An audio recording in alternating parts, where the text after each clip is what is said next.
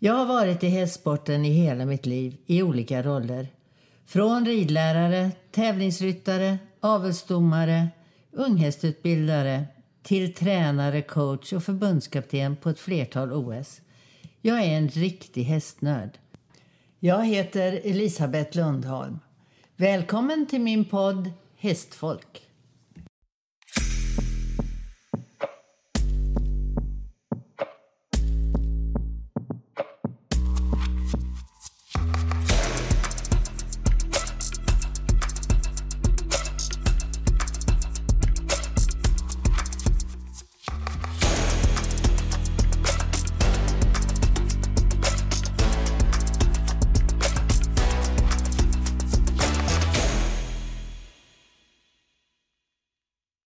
Idag har jag nöjet att eh, träffa Kerstin André. Hon är otroligt framgångsrik med alla sina elever och hon har också ett stort inflytande på dressyren, inte bara här i Skåne utan i hela Sverige och hon är dessutom också advisor, tränare med mera för de internationella satsningarna. Så välkommen Kerstin! Tack! Hur började det för dig? Hästlivet började ju redan när jag var barn eftersom jag bodde på gård. Inte den här gården vi bor på nu utan en annan gård vid Stävje ryttarförening där deras anläggning ligger nu. Eh, vi födde upp hästar och de skulle ju också ridas. Två bröder och jag, vi försökte rida på de här hästarna. Och Stävje ligger en liten bit utanför Lund. Ja, Vallkärra heter egentligen orten men Stävje ryttarförening har ju liksom sin, sin plats där de har sin anläggning mm. idag. Mm. Men på Red... den tiden red man ju utomhus, alltid, på uppfödningar eller andra hästar som fanns i området som man kunde komma åt. Inte ponnyer utan jag började rida stor häst när jag var 9-10 år. Tävlade faktiskt stor häst när jag var 10 år. På egen uppfödning eller? Nej, faktiskt inte egen. Då hade vi köpt ett, en, en lite märklig historia med ett sto som kom ner till hingstation här från mm. Värmland. Mm. Och det stoet blev aldrig tillbaka hämtat. Så den köpte pappa. Och sen började vi rida på henne. Och det var, det var min första häst som jag tävlade i hoppning på. Kommer du ihåg vad den var efter? Komtess Egal Honör. Sådana saker kommer man ihåg. Sådana saker kommer Ja, sen då? Hur gick det vidare därifrån? Ja, sen fick ju faktiskt den här lilla stoet som kom ner och det här stoet skulle betäckas med Tokaj och det kom en liten eh, hingstunge som hette Komet. Och det blev min första riktiga tävlingshäst. Kommer du ihåg vem som red Tokajer? Det var väl Erik Lindell som tror jag, att han var i alla fall som hade hingstationen här. Mm alltså gården där vi bor på nu har varit min mormors gård och vi har bott här nu sedan 74. Men det var en hingststation. Mm. Varje sommar kom det ut två flynghingstar och en hingstskötare som bodde här hela sommarna. Mm. Så att det var ju en liten avelsmetropol. Hade varit innan också men blev ju det för det var fysiska hingstar på den tiden som mm. användes. Man kom cyklande med sina ston, red eller cyklade. Eh, och det var ju alltid en stor, liksom, det var den stora händelsen på sommaren. Det var med den här hingstationen man kom till mormor och hälsade på. Mm. Och eh, det var ju naturlig beteckning och eh, var det kaffekalas här hos mormor så då drogs rullgardinen ibland ner plötsligt. För då var då när hingsten kom ut ur stallet. då blev man ju Censurerat alltså? Ja, censurerat. Mm. Men här produceras den här, min första riktiga tävlingshäst, Komet, också mm. på den här gårdsplanen där jag nu också bor med min familj. Hur gammal var du när Komet kom? Då var jag 11. Och du började när han, red du in honom som treåring ja. själv? Mm. mm. För mina, jag har två äldre bröder och eh, man var typ 13-14 då fick man börja och eh, sitta på treåringarna. Mm. Då kastar pappa upp. Nu är det mm. dags. Nu är du, du är tillräckligt vuxen. Så att eh, man var lätt och eh, pappa höll i longerlinan. Ja, tyckte inte det var något konstigt. Hur många hästar hade ni då hemma? Vi hade oftast ett par, två, två till tre avelston. Och eh, de flesta, på den tiden sålde man ju fortfarande så att säga remonter som många gick till Schweiz eller fortfarande till K1 och, och sen resten gick ut som vanliga ridhästar så att säga. Rem- Ordet remont egentligen, att de var remonter, det var ju att man... Det var ju en, en häst som eh, armén köpte in som en treåring. Som eh, vi pratade om eh, tidigare idag att nu gör man lite samma igen. Att man åker runt och så försöker man hjälpas åt att hitta lämpliga hästar till, till Brina högvakten och till eh, eventuellt till ridskolor och kanske också till Flyinge och Strömsholm. Där man samlar ihop. Det var lite samma modell. De, de hästarna då, om du tänker den hästen du började med där som Komet då, som också blev din, du blev framgångsrik med som tävlingshäst. Vad, vad tyckte du, om du skulle jämföra honom då och idag? Fast han var ju väldigt modern. Han var högställd, eh, lätt i typen, känslig, ganska rädd men väldigt ambitiös. Så att modellmässigt så eh, var han inte så olik dagens hästar. Tokaj var ju själv en väldigt ädel hingst och han gav förädlade hästar. Inte alltid med så mycket gång, men eh, mycket nerv. Och det var väl det som passade där i fälttävlan också. Och så fortsatte du med, med Komet och det, det, för övrigt gick du i skolan. Ja, Och sen, vad, hur, när du sen fortsatte och började tävla och så vidare, du gjorde det parallellt naturligtvis Ja. med... Alltså, det, jag var ju redo för någonting som hette SLRC.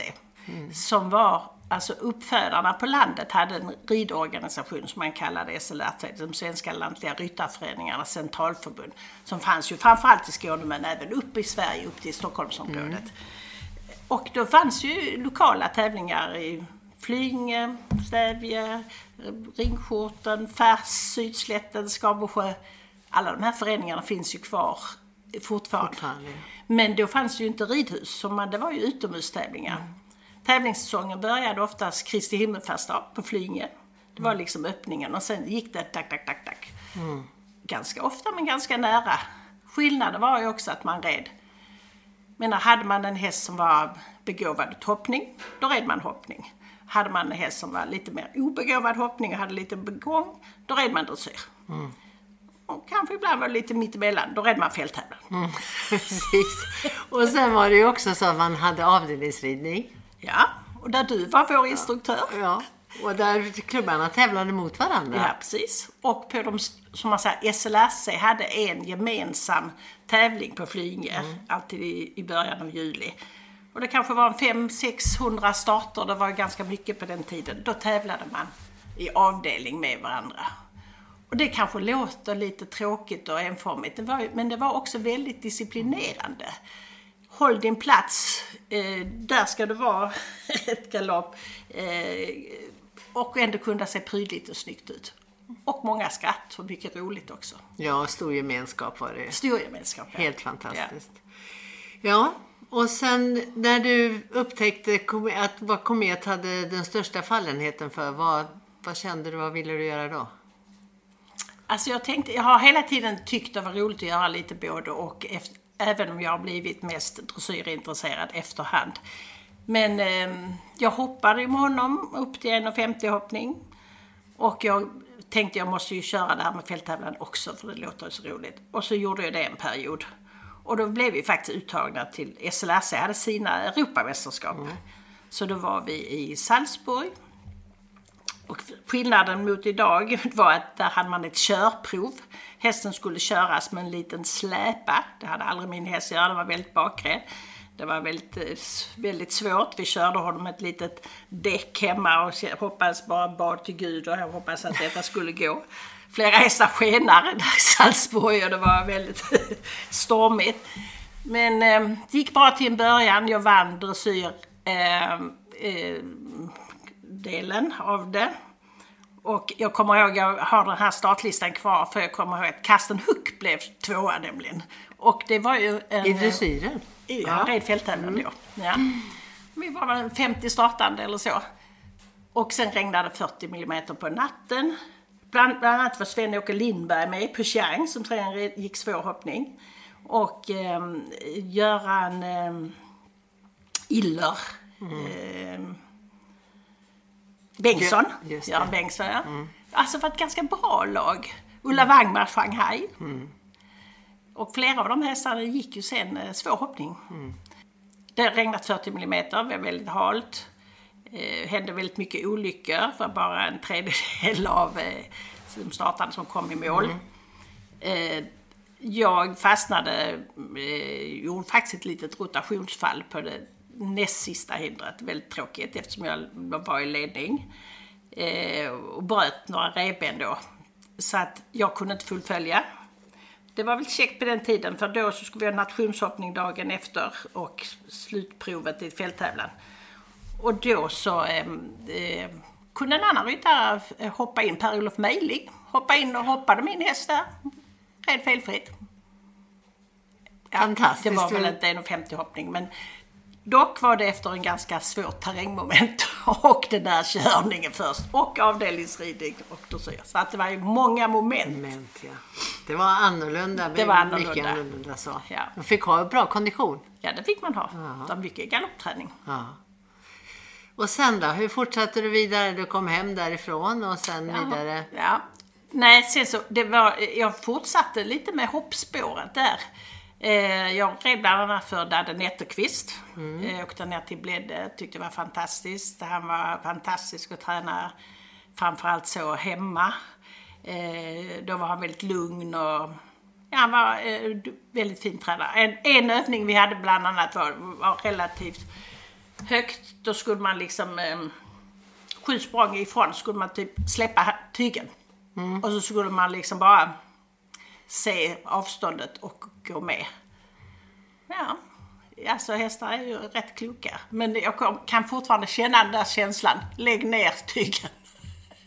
och så mot den också som kanske inte alla tycker är högt idag. Men det var kanske i alla fall 1,30 eller så. Ja, tappa kontrollen, släppa tapp, ja, kontrollen. exakt. Mm.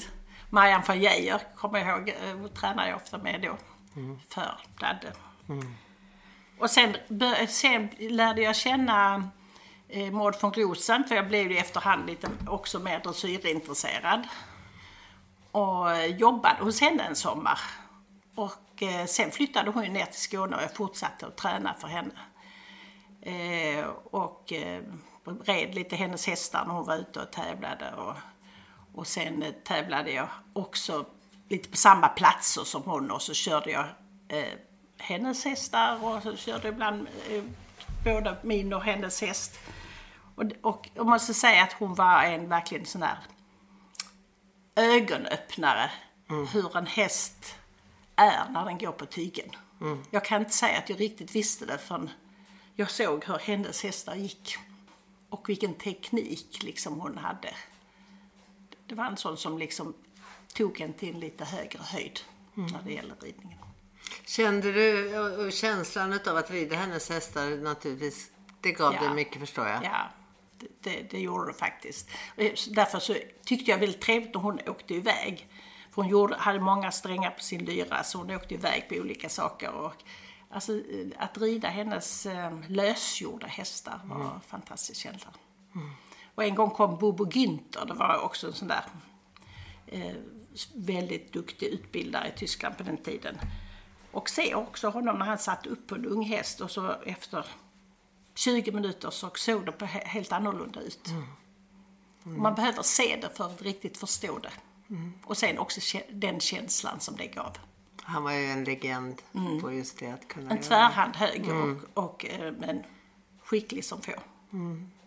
Ja, otroligt. En upplevelse som jag också kommer ihåg, jag, när jag var 14 år så var, gjorde jag praktik på Flyinge. Alltså man gick i åttan så gjorde man sån här prao. Och då så gjorde jag det för Fipke. Och eh, första dagen så man hade tio hingstar inne i lilla ridhuset. Och så sa han, du kan också rida. 14 år var jag. Du kan ta Urbino. Alltså han var fyra år då. Han är minst. Och där är man liksom med tio hingstar inne i lilla ridhuset. Först släppte man alla hingstarna och band upp tygen och sen så hoppade man upp. Och man sa inte nej på den tiden utan ja, det går säkert bra. Och det gick det också. Och sen red jag bland annat, eh, fick rida på Piaf. Och han hade egna, två egna hästar också efter Gaspari som också var... eh, Det glömmer jag aldrig, han var väldigt generös med att han tog mig med överallt. Och jag red varje dag för honom. I 14 dagar. Ja, han var en fantastisk person. Fantastisk på att undervisa också. Ja, ja det, det är härligt. Och du fick med dig så mycket redan då. Ja. Och sen var jag sådär, jag letade upp hästar. Rätt som det så hade jag någon ponny som behövde ridas in. Alltså, så jag började med stora hästar och, och sen efterhand så, innan jag blev för, liksom större, jag är inte så lång nu heller. Men jag red lite hästar som folk behövde hjälp med. Ja. Och då plötsligt, den här ponnyns ägare, han tyckte vi skulle starta en eh, ridskola. Och vi var då två tjejer, jag och en kompis och, och Tore Ekelin hette han. Och det blev början till Torns ponnyklubb. Jag tänkte säga det. Tornsborg. Som finns fortfarande idag. Eh, och jag är lite glad för att jag har varit med och startat saker. För det är något speciellt när man börjar med en liten linda. Och så rätt som det så blir det någonting som är kvarstående. Och idag är det en blomstrande förening. Ja, det har ju varit en, en start för väldigt mångas hästliv. Ja, faktiskt. Torns ponnyklubb. Och de hade liksom en modell där man, eh, föräldrarna kunde ha sin ponny på ridskolan gratis mot att den fick ut, lånas ut till lektioner ett visst, några timmar i veckan. Och för många var det en bra start på hästägande. Man fick hjälp med sitt hästägande, hästen blev riden några dagar i veckan och man hade fortfarande sin egen häst. Härligt. Och sen eh, när du, du, du har ju, hade ju så mycket med dig då i ryggsäcken redan innan du var 20 år. Långt innan egentligen. Ja, det var ju en... Man tävlade, jag tävlade hoppning först här lokalt och sen åkte man ju lite ut i, i Sverige till Strömsholm och Vetlanda och Göteborg och Stockholm. Blev tvåa i Drottningens pris i, i, idag, men det är ingen jättehög. Det var väl typ eh, 1,35 kanske hoppning idag eller något sånt där. Men det var en ganska stor klass då för det var ju liksom en damernas SM så att säga. Drottningens pris i Stockholm. Och eh, jag kommer ihåg när jag red omhoppningen så tappade jag faktiskt banan. Jag kommer ihåg Dadde han skrek från sidan. Och plötsligt kommer jag ihåg det. Men det tog sina sekunder. Så Helene Jangård vann och jag blev tvåa. Jag, men det, det var ju väldigt rättsamt missöde. ja. Men det var på stan, uppe vid Ryttarstadion. Ryttarstadion, ja. På fältet där ute. Mm.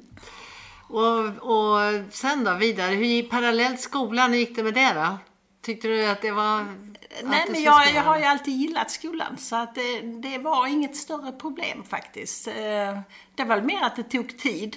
Eh, Men eh, först gick man här och sen från med sjunde klass gick man skola i Lund. Och sen gick jag på Katedralskolan i gymnasiet. Nej, jag har, jag har alltid gillat att lära mig saker. Och eh, fick ju mycket stöttning av mina föräldrar, hämtade mig och sådär så att man skulle kunna komma hem snabbare. Man gick till med skolan på halva lördagen på den tiden. Eh, Så att, och sen så var det ju då när man hade gått ut skolan, vad skulle man göra då? Först, egentligen hade jag tänkt att jag skulle bli läkare. Hela mitt gymnasium hade jag tänkt det.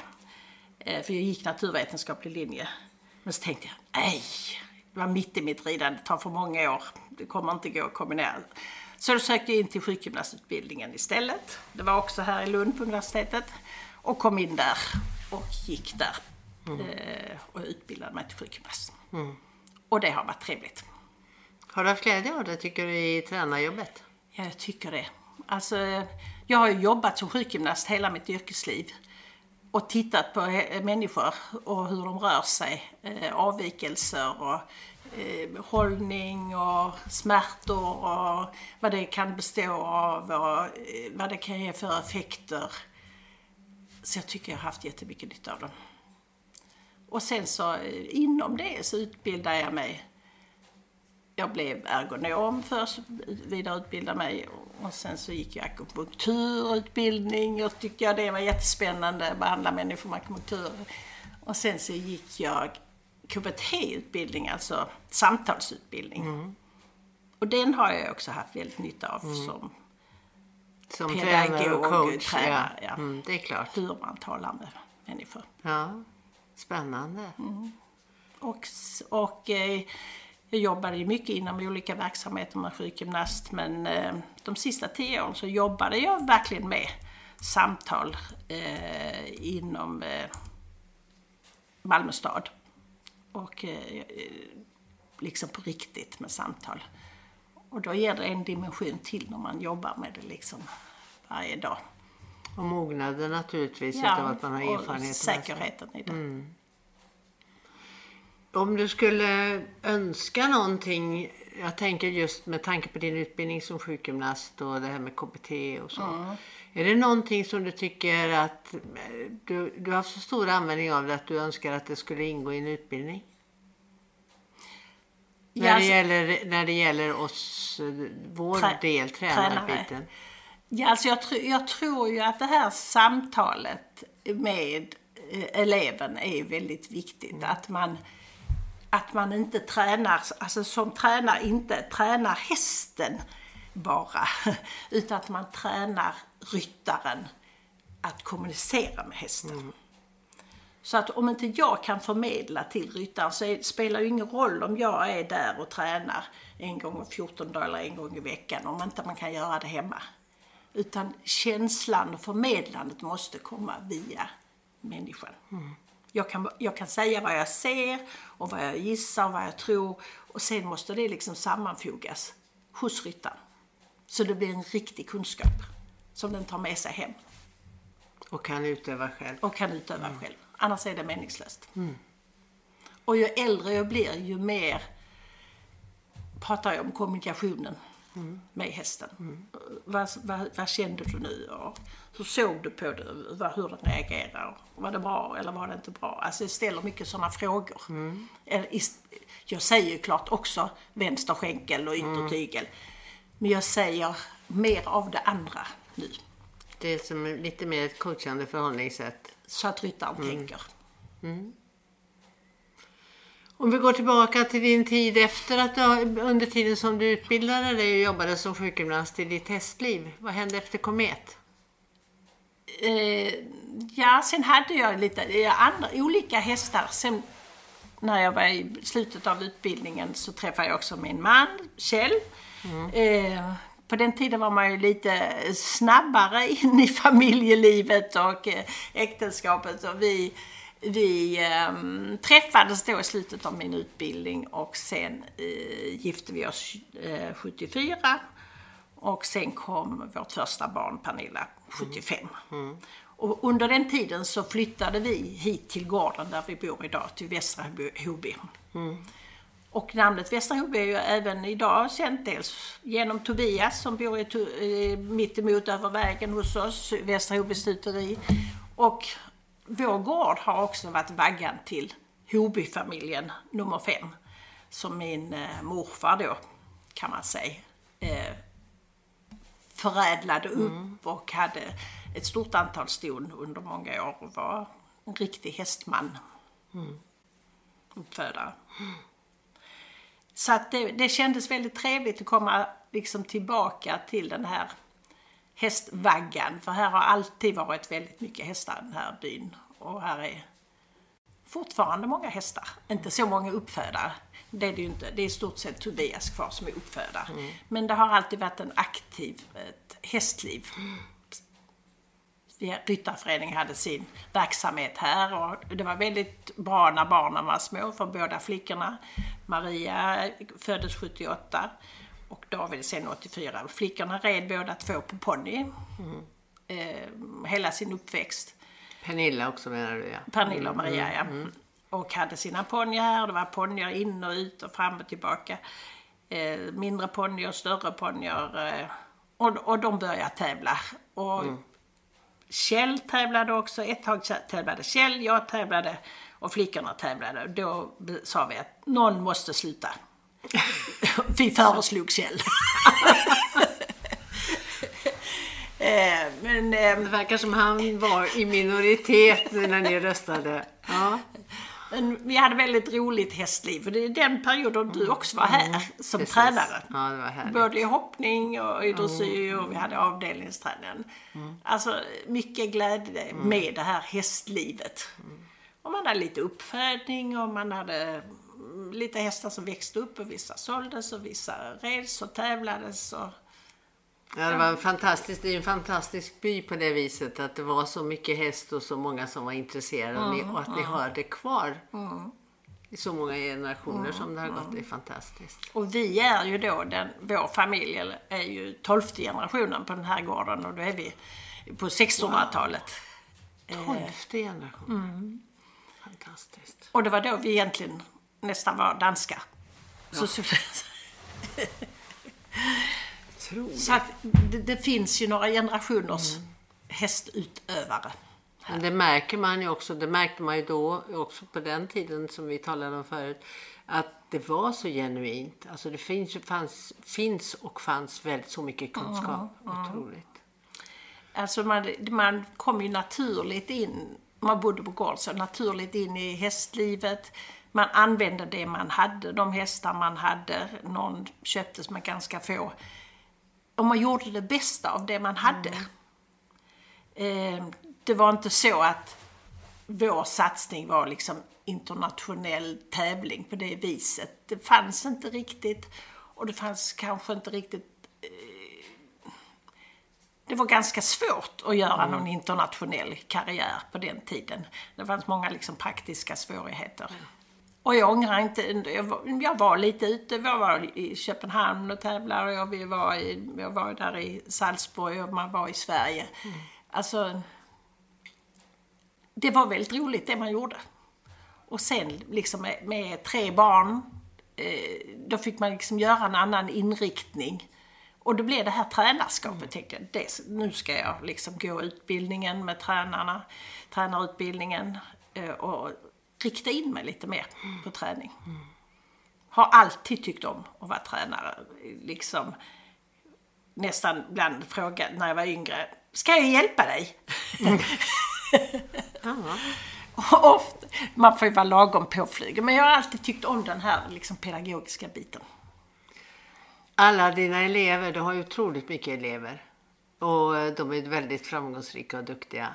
Är det, känner du att eh, att du har, med tanke på att du redan tidigt var intresserad och det föll sig, känner du att du lever i, i, i, i din dröm, i din, jag vet inte hur jag ska säga det, för det gjorde du säkert tidigare. Mm. Men jag menar just nu, eller känner du dig otroligt bekvämt? Kan du njuta? Ja, det, det är väl jag. det jag vill fråga. Kan du njuta av det? Jo, men det kan jag. Alltså, och det kan hända en vanlig tisdag att en, en elev som plötsligt får en känsla eller man lyckas med mm. någonting som man mm. har haft något bekymmer med länge. Något, det kan vara ett galoppbyte eller någon som har börjat med piaff eller någonting. Mm. Och så plötsligt så, liksom, så ser man att det löser upp mm. sig.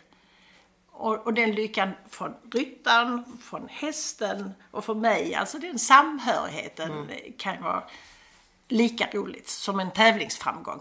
Mm jag brukar känna så här. Kan jag känna att jag sitter bakom ryttaren i sadeln så, är jag ganska nära där jag vill vara. Mm. Man kan säga att det är ett hantverk. Ja, det är ett hantverk. Och ibland lyckas det enklare med hantverket. Mm. Som en snickare, man kan liksom, ibland bara blir det flå. Och ibland är det lite kring, kring krångligare och lite mer omvägar. Men jag brukar säga så, så länge ryttaren tror på sitt samverkan med hästen så går jag med. Mm. Sen ibland får man ändra sin plan och säga att det här är för eh, jobbigt för den här hästen. Den ska inte bli Grand Prix-häst. Mm. Jag, jag tror inte att alla hästar kan gå Grand Prix. För det är för svårt, det är för jobbigt. Det ska vara så lätt så att också hästen tycker det är roligt. Ja, alla är ju inte begåvade Nej, för det. det kan vara ibland kroppen ibland själen, mm. ibland både och. Av dina, du har ju haft många hästar. Av alla dina hästar som du har haft. eh, Ja, ja, den som jag några. tyckte bäst om, den, den kom ju lite hoppas sig, för sent i livet. Men på det viset, det var ju då när jag hade småbarn. Men det var ju Bombay. Ja. Och där var du också inblandad. Hingsten Bombay som var helbror med Amiral. Och på, på din inrådan kom vi och provred Bombay. Och ehm, jag måste säga att det var första gången jag satt på den, det var en sån känsla. Så jag tänkte, ja, så här lätt kan det också vara. Också med, genom min bror, bror Anders, som har- var väldigt stöttande för vårt liksom, projekt Hästeriet. Så köptes, inköptes Bombay och jag utbildade honom i början och han vann bland annat det första Breeders Trophy som precis. gick på Falsterbo på den tiden. Och jag var ju stolt som en tupp. Eh, Kyra var tvåa. Eh, Ulla Håkansson Bobby var trea. Lian var också med. Det, var, det var ett ganska bra gäng Det som var med i säga. den finalen. Och jag tror inte så många trodde att jag skulle klara det faktiskt. Men det var en fantastisk häst. För- Född på av Bollrup, ja. Mm. Det fanns ju fyra helbröder som alla gick Mm. svårdressyr. Eh, internationellt svårdressyr till och med. Men hans temperament, han var ganska vild när han var ung, men otroligt glad. Eh, liksom jag kunde, varje dag man började trava så slog han lite med frambenet liksom, av, av lycka. Nu är jag igång. Kommer man tänset till kandidat så öppnar han munnen redan var på en meters håll. Alltså en sån vi hade ett sånt samarbete. Ja, det var fantastiskt att uh, ha sett hela era framgångar där. Det var verkligen, det var verkligen glädje. Har, men han, du hade också en em, annan häst som jag tänkte, trodde du skulle säga den först. Men det gjorde du inte. Nej. Det Stratos-hästen du hade. Jaha, Sorbus ja. Sorbus ja. Om, jag hade, om det hade kommit i en annan del av livet så det var en eh, fantastisk, det faktiskt en egen uppfödning Mm. Efter Stratos, ja. Fullbusshingsten Stratos. Och han var också sådär lättfotad, Mm. lite stor till mig. Han var nog 1,74, 75. Eh, det bästa gångartshäst i rikskvalitetstävlan. Han var fyra. Och jag red upp till Sankt Georg. Vi vann lag-SM eh, tillsammans av tvåa Stävje ryttarförening på Flyinge. Första lag-SM som var. Eh, men, men vi beslöt i alla fall att vi skulle sälja honom så han gick till Belgien så småningom. Men hade jag varit i en annan skede av livet så är jag övertygad att han skulle bli, hade blivit en Grand Prix-häst. För han hade väldigt lätt för sig. Ja, vad flott. Mm. Någon annan häst som du kommer ihåg sådär som du tänker på att du tog tillvara de, de möjligheter den hade? Ja, det var ju den här som hette Julie. Eh, det litet sto jag hade. Som inte hade, hon hade inte det positiva temperamentet. Men hon hade lite gång, hon hade eh, som sagt nerv. Men eh, under den perioden när vi tävlade henne, då red jag också hoppning på komet. Så jag hade ofta båda med mig. Jag kommer ihåg ett år vi var i Borås och tävlade och det var eh, min nuvarande man Kjell, han var med för första gången och skulle vara hästskötare. Och den här stoet, hon började skrika efter den andra. Och så fick jag ropa på honom, hämta den, hämta den. och då när den kom, då blev hon ju lika upprymd av detta. Kastade av mig på framrin, in med hopphästen igen, upp igen, in på banan. Eh, den vann klassen, men det var... Hon hade inte det trevligaste temperamentet. Hon, hade, hon var vacker att se på hade mycket gång. Ja. En gång när jag tävlade i Ryttarstaden också, i Stockholm. Från framridningen så gick man liksom ner till tävlingsbanan. Och då kastade den här märren av mig. På vägen dit, jag tänkte, vad själva den. Upp igen. Ner. Skötte sig fint.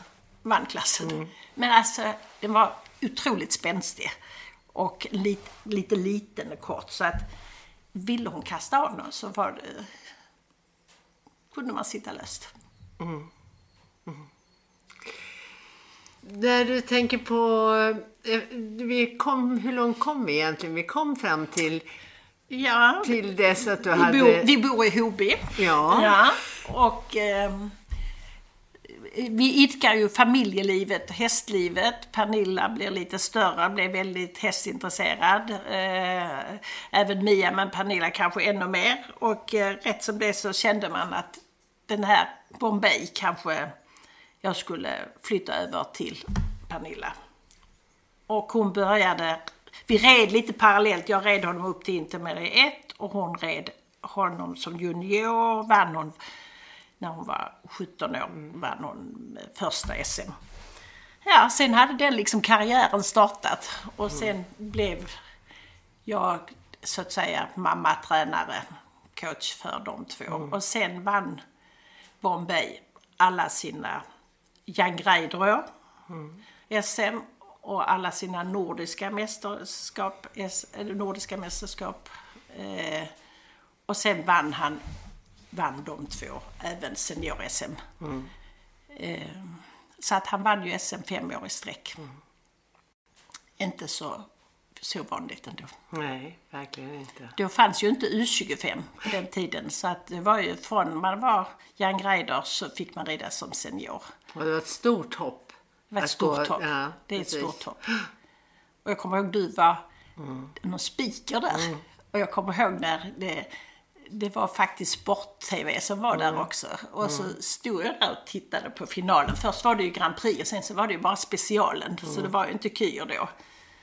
Ja, så Jag hörde hur han sa, vad är det för speciellt med den där hästen? Mm. Och så, så sa du just att ja, det är den här lättheten som är... För han var egentligen en ganska alltså, maffig häst, men han var väldigt lätt i sin aktion. Ja, den var jättefin. Och sen nu, nu då? Hur, är, hur liksom när du tänker på dina dagar nu? Ja, nu är det ju träning. Alltså det uppdraget som jag gillar väldigt mycket det är ju att jag är eh, lite landslagstränare, eller jag är landslagstränare för ungdomarna då från Children upp till eh, U25 och vi har våra eh, landslagsträningar men jag har också i med det en hel del av dem i träning, ungdomar och jag gillar ju det. Alltså ha de här ungdomarna som har liksom hela sin framtid för sig och försöker leta sig in i det här hantverket som du sa. Och gör sina erfarenheter och gör, ser sina svårigheter men också liksom hur de sk- skickligheten förfinas. Ja, det går, Att det går från det till lite konst. Alltså Ja, det, kom, exakt. det blir ju konst. Ja. Och när man bara tycker oh den är svår eller eh, det går inte. Och så plötsligt så känner de någonting. Och så ser jag det här. Jaha! Alltså det, det är ju en kick. Ja, det är en belöning förstår jag. Ja. Vad, om du tittar på det som det har utvecklats senaste åren. Är det någonting du tänker på? Tycker du att det har blivit eh, bättre? Tycker du att det finns saker som du önskar man skulle kanske förändra? Eller? Jag, jag tycker det mesta har blivit bättre. Eh, Det måste jag säga. Eh, Hästmaterialet framför allt. Det som har blivit bättre är ju att det har blivit mer specialiserat. Så vi föder upp dressyrhästar och hopphästar och fälttävlingshästar. Det, det är lite också nackdelen för att jag kan ju ibland tycka att barnen specialiseras för tidigt. Att ponnybarn bara rider dressyr eller hoppning eller det. Jag gillade det att vi red lite rakt över gränserna när man var liten. Man blev lite modigare på hästarna, man, kunde, man red ut, man hoppade över ett staket. Och, alltså synen på fara var ju annorlunda på den tiden. Föräldrar var inte så ängsliga. Eh, vi rider ut, ja. Då försvann man ut och ingen var orolig om man kom hem si eller så. För och nackdelar. Men det gjorde också att man gjorde sina egna erfarenheter. Ja. Och lärde också hantera liksom rädsla, att bli kompis med sin häst i alla möjliga situationer. Inte bli rädd för vad som skulle kunna hända. För att man kände, jag kan hantera det. Jag kan hantera min häst. Och då rider man bättre. Precis, det, det är väldigt klokt det du säger och då, därför så undrar jag ju lite grann, tycker du att man på något sätt skulle kunna ändra det tidigare? i, i, när man till exempel med mera kombinerade tävlingar eller någonting sånt på väldigt låg, nu talar om väldigt låg nivå. För att Ja, det- det- introducera det, här ja. du säger. Jag vet inte riktigt vad som skulle locka för liksom grenarna har gått så långt isär. Så att jag tror att, eh, jag ser ju att det görs lite försök ibland att man gör kombinerade klasser och så. Det är inte särskilt poppis. Det, jag tror att det liksom mer tränarna eh, måste liksom inspirera ryttarna. Hoppa lite, eh, hoppryttarna, rid lite utan stigläder. Alltså lite grann utan att det kanske blir en annan gren, men att man blir lite mer allsidig när man är yngre. Och för balansen, man har ju lättast att lära och Exakt. lättast att ta till sig då. Exakt. Jag und- var under en period lärare på Flyinge också. Och då, när vi hade intagningsprov ibland, så var det just så här, det var, jag hoppryttare och dressyrryttare. Eh, ta upp stigläderna. Och då var det ju, kunde det vara människor som red 1,30, 1,40 hoppning som nog aldrig hade ridit utan stigläder. Och då kände jag, du hade kanske blivit ännu duktigare om du hade den självklara balansen. Och vice versa, en dressyrryttare som, som aldrig hade galopperat över ett visst tempo. Så man såg att, åh, det här var lite farligt. Att, att få ett större liksom, område där man känner sig trygg. Med tanke på den, den aveln vi har idag med mer och mer känsliga hästar och mer och mer nerv. Kanske det hade varit en Absolut. nödvändighet. Kanske Ja, blir en minst- nödvändighet. Ja, och inte minst eh, dressyrhästarna har ju blivit väldigt sensitiva. Och där jag tänker att vi får passa oss så att vi inte får för rörliga hästar. Jag, jag ser för många överrörliga. Nu går jag tillbaka till mitt sjukgymnasteri. Och där jobbade vi med ungdomar ibland som var överrörliga. Som hade stabilitetsproblem, fick ont i leder, eh, svårt med sin koordination. Och det är klart om du är en häst eller en människa och du inte har tillräckligt stabilitet i förhållande till din rörlighet så får du problem. Så förr när man utbildade hästar då försökte man få alla rörligare, större gångarter. Nu när jag har elever så är det så mycket kring balansen, stabiliteten och lära hästarna att kunna ta mindre steg. De har svårare att ta mindre steg än större steg. Eh, och risken är att de är så, så att säga talangfulla eh, när de är unga i vad de kan göra med sin kropp. Att du också gör det. Men kroppen är inte färdig för det. Och då är risken att det blir slitage. Ja, Det är ju, också det man har sagt lite grann. när Jag tänker på eh, Lars Ropstorff som brukar prata om träningsfysiologi. Han säger ju alltid det att problemet är att uppfödarna föder upp för bra hästar Ja. som är för begåvade för Ja, tidigt. exakt. Och att exakt. vi inte tränar dem styrkemässigt nog. Det är det du menar också. Ja, och, och alltså att det krävs ganska duktiga ryttare eh, på de riktigt unga hästarna för att de ska få en lagom belastning på sina kroppar och inte... Jag ser för mycket filmer där man rider långsida efter långsida i övertempo i för stor gång. Och jag gillar inte det. Det, det då blir lätt en förebild för andra att man rider unga hästar i alldeles för högt tempo. Jag tror att det du säger nu är otroligt viktigt. Att vi som är tränare verkligen talar med eleverna om. Ja, och bromsar. De behöver inte... Det här är uppvisningsvideos, försäljningsvideos. Det här är inte hemarbete för hästarna. Vad tror du, om jag tänker på Breeders då och tänker på vårat unghästsystem och så. Vad, vad tänker du om det? Tycker du att det är väl fungerande? Finns det någonting man kan förändra eller, eller hur tänker du? Du har ju ändå, ni har ju ändå haft Ja. så mycket hästar i det systemet menar jag. Jag, jag tycker att alltså, om man väljer väl med sina hästar så tycker inte jag det är något fel på systemet. Det är bara att det är rätt, rätt hästar och rätt ryttare och framförallt rätt hästar. Att hästarna är väl i takt med den eh, nivån på det årets eh, Breeders eh, klass som du ska rida. Är den inte det får den avstå. Men eh, jag tycker det hade varit väldigt tråkigt att det inte fanns. För att det är ändå en värdemätare och att eh, man kan lite se vilka liksom, eh, hingstar som också ger avkommor som är ridbara och utvecklingsbara. Eh, men man måste, även hästägarna måste acceptera att nej, det var lagom som femåring men det var kanske inte lagom som sexåring. Och sen kan de hoppa över, sen kanske de ändå är lagom som sjuåring. Men det krävs alltså inte så lätt att utbilda unga hästar fast de är så talangfulla. För att de behöver en väldigt liksom välavvägd träning för att deras kroppar ska stabiliseras. Du har talat om det och du förstår att du tycker att det här är väldigt viktigt och det är roligt att du tar upp det och viktigt att du tar upp det. Men frågan är, kan man göra någonting nu? Kan man på något sätt ytterligare eh, komma ut med det budskapet? För det är väldigt många som kanske inte alla gånger har varit med med unga hästar från början. Nej. Och kanske känner sig lite villrådiga. Ja.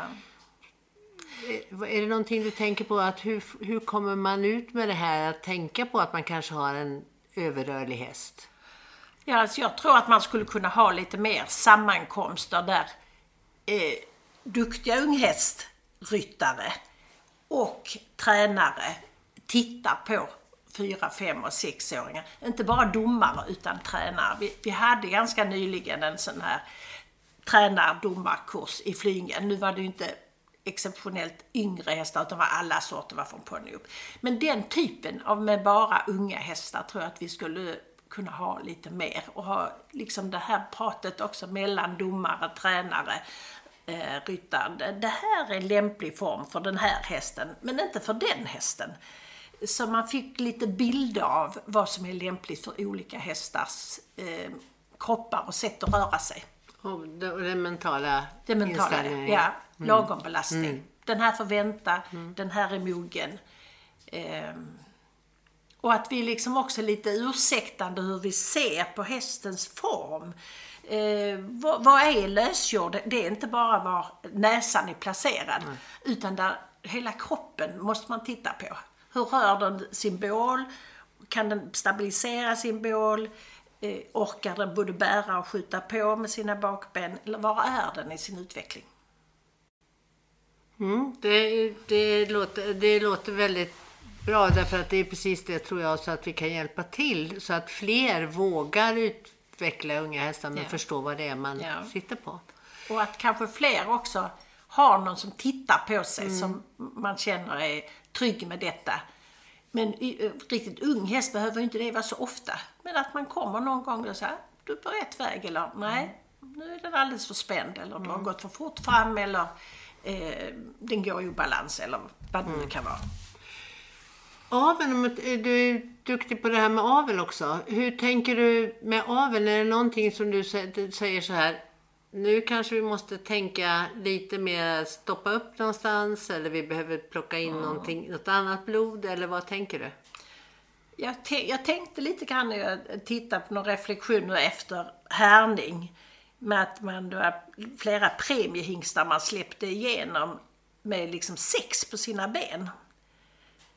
Då kände jag att eftersom det här med hållbarhet redan är på tapeten ganska mycket så känner jag att det får inte bli för mycket bara stora gångarter. Utan om du inte har eh, hållbarheten, ja då har du ingen häst. Så att hållbarheten måste fokuseras på lite mer. Och där är det ju klart träningen, men från början också måste ju hingstarna vara väldigt sunda. Inte för långa veka kotor. Det är jag. Och ehm, inte för instabila. I sin rörlighet? Nej. Nej.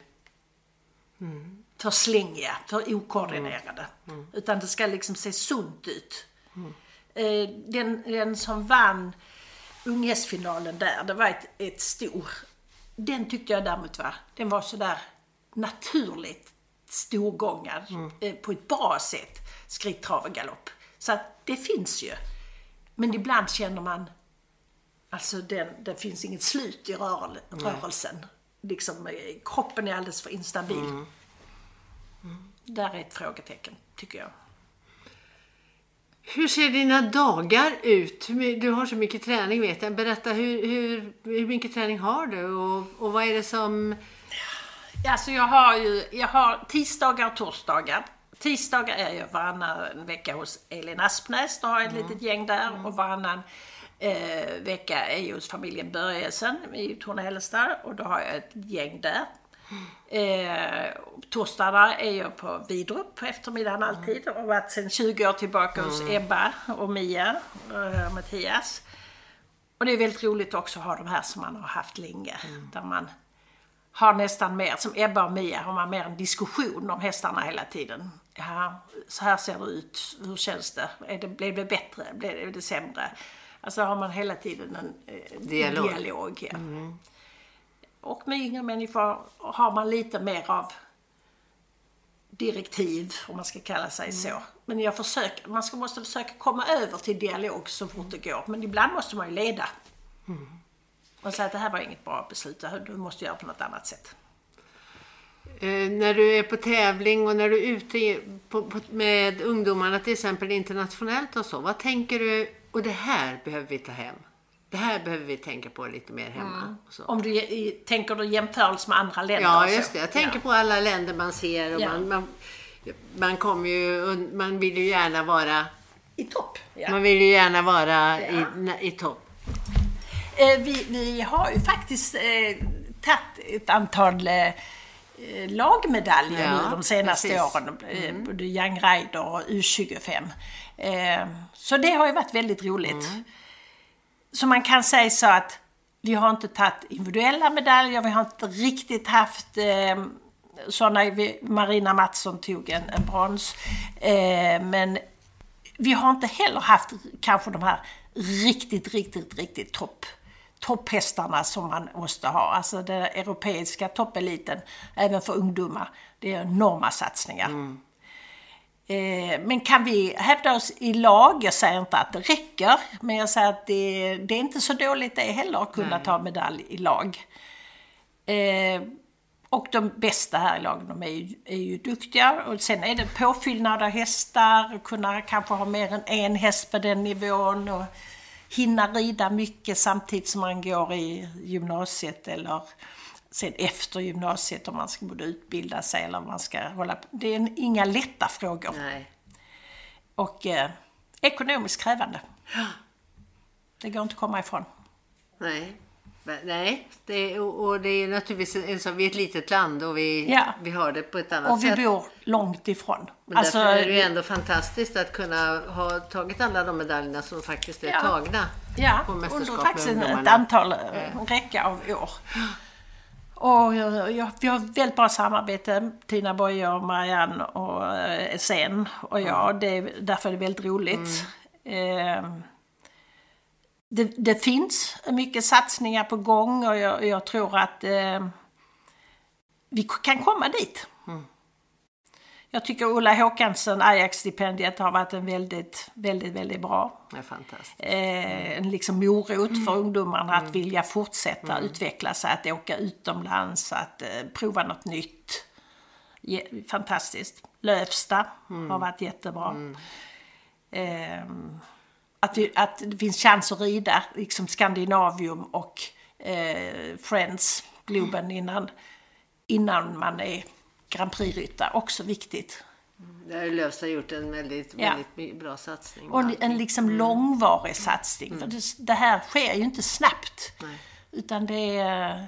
Och sen blickar man ju över till Danmark och ser liksom vilken enorm satsning de har gjort och vilka produkter de också får fram nu. De har haft fantastisk avel med Blue Horse. Som började köpa in de bästa hingstarna i Europa för 25 år sedan. Och nu är det de hingstarna i de tre första leden som finns på då, deras inhemska hästar. Det ena ger det andra. Absolut, och vi, vi, därför är det väl viktigt att vi har den där dialogen som du säger, att man hela tiden ser efter vad, att man inte blir nöjd utan Ja. ser vad, hur kan Ja, vi hur kan vi- hur kan vi göra det rätt, också rätt hästvälfärdsmässigt Ja. så vi inte Så att det är ju den allra viktigaste aspekten tillsammans Ja. med att människorna ska må bra. Fördelarna för, ur välfärds och hållbarhet var ju att man red inte så mycket ridhus, för det fanns inte så mycket ridhus, så därför vilade hästarna några vintermånader där. Eh, fördelen nu är ju att vi har bättre alla möjligheter på alla möjliga sätt. Liksom. Är Bättre tävlingar och bättre utrustning, eh, eh, bättre avel och så. Eh, men det är också som har blivit bättre tycker jag att alla hästar, vi har alla hästar ute. De går ut på morgonen och kommer in på kvällen. Eh, folk börjar liksom se det här med att omväxling är nödvändigt. Man kan inte rida dressyr för många dagar i veckan. Man måste rida ut, man måste rida över cavaletti, man måste kunna jobba hästen från marken. Där tycker jag det har blivit mycket bättre syn på det. Sant. Har du blivit riktigt förvånad någon gång? Eller har du varit sådär så att du absolut har tänkt det såg jag inte komma? Ja, det var ju en svår fråga. Du, du menar inom, inom Nej, jag menar hästvärlden? överhuvudtaget. Någonting sånt som har med, med, ja, med hästvärlden att göra, men det kan även vara det andra. Just den där gången när, när man tänker, vi tänker ju så mycket i utvecklingen och hästarna och hästkunskapen och allt det men ibland kan man ju kanske bli förvånad av någonting. Är det någon häst eller ryttare som har förvånat dig stort? Jag har ju mina favoriter, det är inte förvåning nu men eh, jag, jag tänkte Charlotte Fry såg jag redan när hon var eh, Young Rider. Och jag kommer ihåg att eh, Tina Boye och jag, vi var på något EM och så såg jag henne på framridning så tänkte jag Alltså hon blir en stjärna. Och det har hon blivit. För man såg just den där känslan, eh, göra, göra om, göra bättre, göra om, göra bättre och verkligen vara liksom med hästen. Eh, det var sådär som man liksom tittar till att det, det här var något utöver det vanliga. Eh, Katrin Dufour var ju likadan när hon var ungdomsryttare. Det var, man tittar till. Det var något extra faktiskt. Så att det finns, det finns ju sådana gånger när man säger att det här, det här är... Jag tycker även Jessica Bredov, eh, även om jag, jag inte tycker hon har världens snyggaste häst så tycker jag när hon rider, ja, det är inte mycket mer man kan önska av ridningen än som hon rider. Det är samspelet. Samspelet. Det är väl verkligen konst. Och liksom, de är så bekväma med varandra, hästen och hon. Alltså de är, de är en förebild. Är du... Vad är, det bästa du, du, vad är det bästa du vet just nu? Oavsett om det är hästar eller annat. Vad ger dig mest glädje och lust just nu? Alltså jag tycker, jag tycker, jag, just nu gör det inte, men jag hade ju en period där jag målade akvareller. Det tyckte jag var väldigt roligt. Jag måste börja med det igen. Det var någon som sa till mig häromdagen, nu får du börja igen. Ja, så fin du gör. Nej, men det var, det var något helt annat. Jag kommer ihåg när jag gick, jag gick flera år där på akvarellkurs. Och liksom det, det var ju så en helt annan värld. Och liksom man då kom in, man fick någonting framför sig. Jaha, detta var i början var också man kom en, eh, en eh, man in, klädde av sig och ställde sig så, ja, ni kan sätta igång nu. Och jag liksom, jaha, mm, hur börjar man? Så jag frågade just min lärare, hur börjar man? Genom att titta, sa han. ja, det är det jag gör, tänkte jag. Men det var helt rätt. Jag blev helt frustrerad att han inte kunde hjälpa mig. Men det gjorde så liksom, då fick man börja titta på linjerna och inte detaljerna. Och till slut fick man ju ner det på papper. Och just känna det här att, så numera känner jag efter de åren så, så tittar jag på saker på ett annat sätt. Även när jag tänker att det här, är, det här är en bild. Det var någon som hade lagt någon bild på Facebook häromdagen av eh, eh, bron över till Köpenhamn och en båt. Och så tänkte jag, den här ska jag måla. Alltså ibland kan man se något i naturen som man tänker, det här är en bra bild.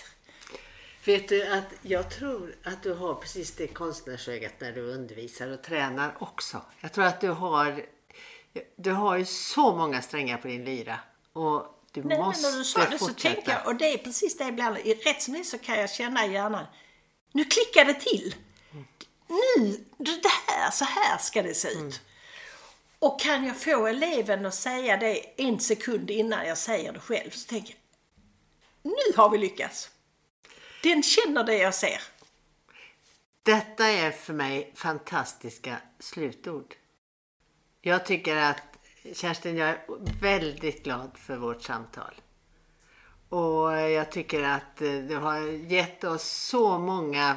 Dels har du visat hur mångfacetterad du är. Och du är ju en konstnär på många sätt och vis. Väldigt roligt. Verkligen kul. Tack så mycket. Tack.